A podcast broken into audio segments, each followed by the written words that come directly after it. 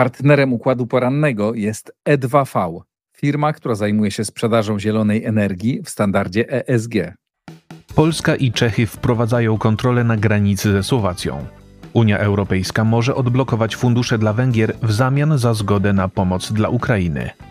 Tunezja zarzuca Unii Europejskiej złamanie umowy o zwalczaniu nielegalnej imigracji. Robert Fico nie przejmuje się groźbami wykluczenia z partii europejskich socjalistów. Finlandia prowadzi ćwiczenia w razie masowego napływu nielegalnych imigrantów. Arabia Saudyjska ma deficyt budżetowy zamiast planowanej nadwyżki. Środa, 4 października. To jest układ poranny. Michał Ziomek, zapraszam. O północy w Polsce i Czechach zostały przywrócone kontrole na granicy ze Słowacją. Decyzja o ich wprowadzeniu związana jest z narastającą presją migracyjną. Słowacja krytykuje swoich sąsiadów za podjęcie takiej decyzji i szykuje na nią odpowiedź. Minister Spraw Wewnętrznych i Administracji Mariusz Kamiński ogłosił we wtorek, że o północy zostaną przywrócone kontrole na polsko-słowackiej granicy. W związku z tym uruchomionych zostanie 8 przejść samochodowych, 3 przejścia kolejowe i 11 przejść granicznych dla pieszych.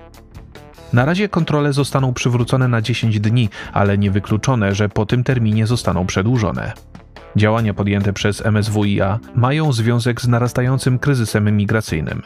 W tym roku na Słowacji stwierdzono o blisko 1000% więcej przypadków nielegalnego przekroczenia jej granic. Imigranci mają następnie kierować się do Polski, aby przez jej terytorium przedostawać się do Niemiec i innych państw Unii Europejskiej. Wraz z Polską tymczasowe kontrole na granicy ze Słowacją wprowadzają Czechy. Czeski premier Petr Fiala zamierza chronić w ten sposób bezpieczeństwo swoich obywateli, a także chce skuteczniej walczyć z przemytnikami i handlarzami ludzkim nieszczęściem. Czechy od września ubiegłego roku do stycznia bieżącego roku prowadziły już stałe kontrole na swojej granicy ze Słowacją. Działania podjęte przez Polskę i Czechy zostały skrytykowane przez premiera Słowacji Ludowita Odora. Jego zdaniem Unia Europejska powinna znaleźć wspólne rozwiązanie problemu nielegalnej imigracji, dlatego wprowadzenie tymczasowych kontroli granicznych będzie kosztowne dla wszystkich i może nie przynieść oczekiwanych rezultatów. Odor dodał, że decyzja Polski ma związek z kampanią przed wyborami parlamentarnymi. Według informacji Financial Times Unia Europejska odblokuje Węgrom wypłatę blisko 13 miliardów euro swoich funduszy. W ten sposób Bruksela chce otrzymać od Budapesztu zgodę na dostarczenie większej pomocy finansowej dla Ukrainy. Brytyjski dziennik przypomina, że w grudniu ubiegłego roku Unia Europejska postanowiła zablokować wypłatę obiecanych wcześniej funduszy dla Węgier. Podjęcie takiej decyzji tłumaczyła naruszaniem zasad praworządności i praw człowieka przez rząd Viktora Orbana. Zdaniem Financial Times ostatecznie wypłata unijnych środków może ruszyć już pod koniec listopada. Węgry miałyby otrzymać wówczas 13 miliardów z zablokowanych łącznie 22 miliardów euro. W, w, ubiegłym tygodniu Unia Europejska miała wysłać pismo do węgierskiego rządu, w którym domaga się odpowiedzi na kilka kwestii. Gazeta przypomina, że w maju Budapeszt zgodził się na kompromis z Brukselą, wprowadzając wówczas reformę wymiaru sprawiedliwości. Odblokowanie funduszy wiązałoby się ze zgodą Węgier na zwiększenie budżetu Unii Europejskiej. Dzięki temu mogłaby ona wysłać dodatkowe wsparcie dla Ukrainy wynoszące ponad 50 miliardów euro. Rząd w Kijowie także poszedł na ustępstwa wobec Budapesztu, skreślając w poniedziałek czołowy węgierski bank OTP z listy międzynarodowych sponsorów wojny. Przekazanie unijnych środków finansowych Węgrom może nie być łatwe. Komisja Europejska będzie musiała przekonać do tego Parlament Europejski, od dawna domagający się podejmowania bardziej zdecydowanych kroków wobec Węgier. Tunezja nie przyjmie pomocy finansowej od Unii Europejskiej na walkę z nielegalną imigracją. Tunis uważa kwotę zaproponowaną przez Brukselę za naruszenie porozumień zawartych w lipcu. Unia Europejska ogłosiła kilkanaście dni temu, że przyspieszy przekazanie Tunezji środków finansowych, aby powstrzymywała ona nielegalnych imigrantów przed wyruszaniem w podróż przez Morze Śródziemne. Pieniądze miały zostać przeznaczone na renowację jednostek tunezyjskiej Straży Przybrzeżnej, współpracę z organizacjami pozarządowymi pomagającymi imigrantom oraz na deportację obcokrajowców z Tunezji do państw ich pochodzenia. Bruksela zapowiedziała więc przekazanie 42 milionów euro z łącznej kwoty 105 milionów euro przewidzianej w umowie podpisanej z Tunisem w lipcu. Tunezyjskie władze nie zamierzają jednak przyjąć pomocy finansowej, bo uważają, że kwota ta jest mniejsza niż wynikało z wcześniejszych ustaleń. Prezydent Tunezji Kais Sayed podkreślił, że jego kraj akceptuje dotychczasową formę współpracy z Unią Europejską, ale nie akceptuje czegoś na kształt dobroczynności czy przysługi. Tunezyjczycy nie oczekują współczucia i nie chcą go, gdy jest ono pozbawione szacunku wobec ich narodu. Według Sayeda tunezyjskie służby będą kontynuowały walkę z przemytnikami ludzi. Porozumienie pomiędzy Tunezją i Unią Europejską zostało zawarte w lipcu w związku z narastającym kryzysem migracyjnym. To właśnie Tunezja w ostatnich miesiącach zastąpiła Libię jako główny szlak wykorzystywany przez imigrantów z Afryki subsaharyjskiej, próbujących przedostać się do Europy. Portal Africa News przypomina, że umowa przewiduje także przekazanie Tunezji blisko 150 milionów euro na ożywienie jej gospodarki, znajdującej się od kilku lat w poważnym kryzysie. Umowa zaczęła wzbudzać kontrowersje nie tylko w samej Tunezji. Niektóre państwa unijne krytykują Brukselę za jej podpisanie z, autorytarną władzą, która oskarżana jest o łamanie praw człowieka. Lider Smeru, Robert Fico, nie zamierza wycofywać się ze swoich zapowiedzi dotyczących zakończenia pomocy dla Ukrainy. Zwycięzca wyborów parlamentarnych na Słowacji zareagował w ten sposób na groźby wykluczenia jego ugrupowania z szeregów partii europejskich socjalistów. W czasie kampanii przedwyborczej Smer zapowiadał, że nie przekaże nawet naboju Ukrainie i krytykował wsparcie okazywane jej przez rządzących.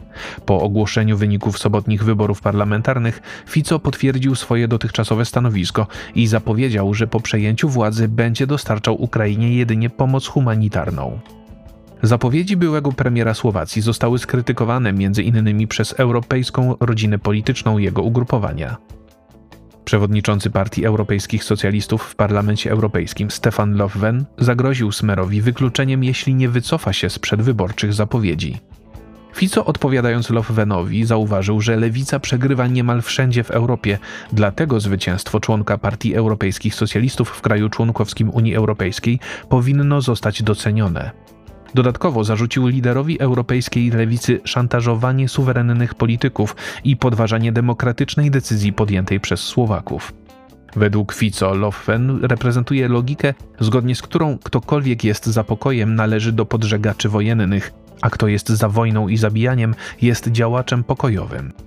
Smer odrzuca więc politykę jednej i nieomylnej opinii na rzecz chęci realizacji prawdziwie lewicowego programu. Fico w przesłaniu do swoich zwolenników dodał, że nie przejmuje się ewentualnym wykluczeniem z szeregów partii europejskich socjalistów, bo ważniejsze jest dla niego zrealizowanie obietnic wyborczych. To zresztą nie pierwsze tego typu groźby pod adresem jego ugrupowania. W przeszłości Smer był już zawieszany w prawach członka europejskiej lewicy, gdy zawiązał koalicję rządową ze Słowacką Partią Narodową. Fińskie instytucje rządowe prowadzą ćwiczenia na wypadek kryzysu wywołanego napływem nielegalnych imigrantów. Już w ubiegłym roku parlament w Helsinkach przyjął nowe prawo umożliwiające zamknięcie granic w uzasadnionych przypadkach. Straż Graniczna Finlandii prowadzi w tym tygodniu zakrojone na szeroką skalę ćwiczenia, w których biorą udział także fińskie wojsko, służby migracyjne, ministerstwa oraz niektóre instytucje rządowe. Ich podstawowym celem jest sprawdzenie, czy służby będą w stanie poradzić sobie z ewentualnym masowym napływem imigrantów, który miałby miejsce w bardzo krótkim czasie. Ponadto ćwiczenia prowadzone w Helsinkach, Zatoce Fińskiej i w południowo-wschodniej części Finlandii dotyczą innych zagrożeń hybrydowych. Fiński parlament w ubiegłym roku przyjął nowe prawo pozwalające na lepszą ochronę granic. W razie potrzeby rząd może je natychmiastowo zamknąć lub ograniczyć liczbę otwartych przejść granicznych. Zmiany zostały wprowadzone pod wpływem kryzysu migracyjnego wywołanego przez władze Białorusi, bo Finlandia obawia się przygotowania podobnego scenariusza przez Rosję. Arabia Saudyjska spodziewała się nadwyżki, ale ostatecznie musi zmierzyć się z dziurą budżetową. Saudyjczycy poprzez ograniczenie produkcji ropy naftowej podnieśli jej światowe ceny, jednak wpływy ze sprzedaży surowca nie są w stanie pokryć ich dużych wydatków budżetowych. Ministerstwo Finansów Arabii Saudyjskiej zrewidowało swoje wcześniejsze prognozy. Riyad spodziewał się, że jego nadwyżka budżetowa wyniesie 0,4%, a wzrost gospodarczy 0,03%. Ostatecznie Saudyjczycy będą musieli radzić sobie z deficytem budżetowym na poziomie 2%. Forsal.pl przypomina, że Arabia Saudyjska stała za ograniczeniem produkcji baryłek ropy na światowych rynkach. Działania te spowodowały co prawda podniesienie cen surowca, ale zmniejszyła się jego sprzedaż. Z tego powodu saudyjskie władze nie mogą pokryć swoich wszystkich wydatków budżetowych. Riyad w ciągu najbliższych dwóch lat planował znaczne zwiększenie wydatków, aby realizować plany rozwoju innych gałęzi gospodarki. W długoterminowej strategii królestwa wzrost PKB w sektorach niezwiązanych z wydobyciem ropy naftowej powinien być wyższy niż w branżach bezpośrednio zajmujących się wydobyciem węglowodorów. Informacje przygotował Maurycy Mietelski.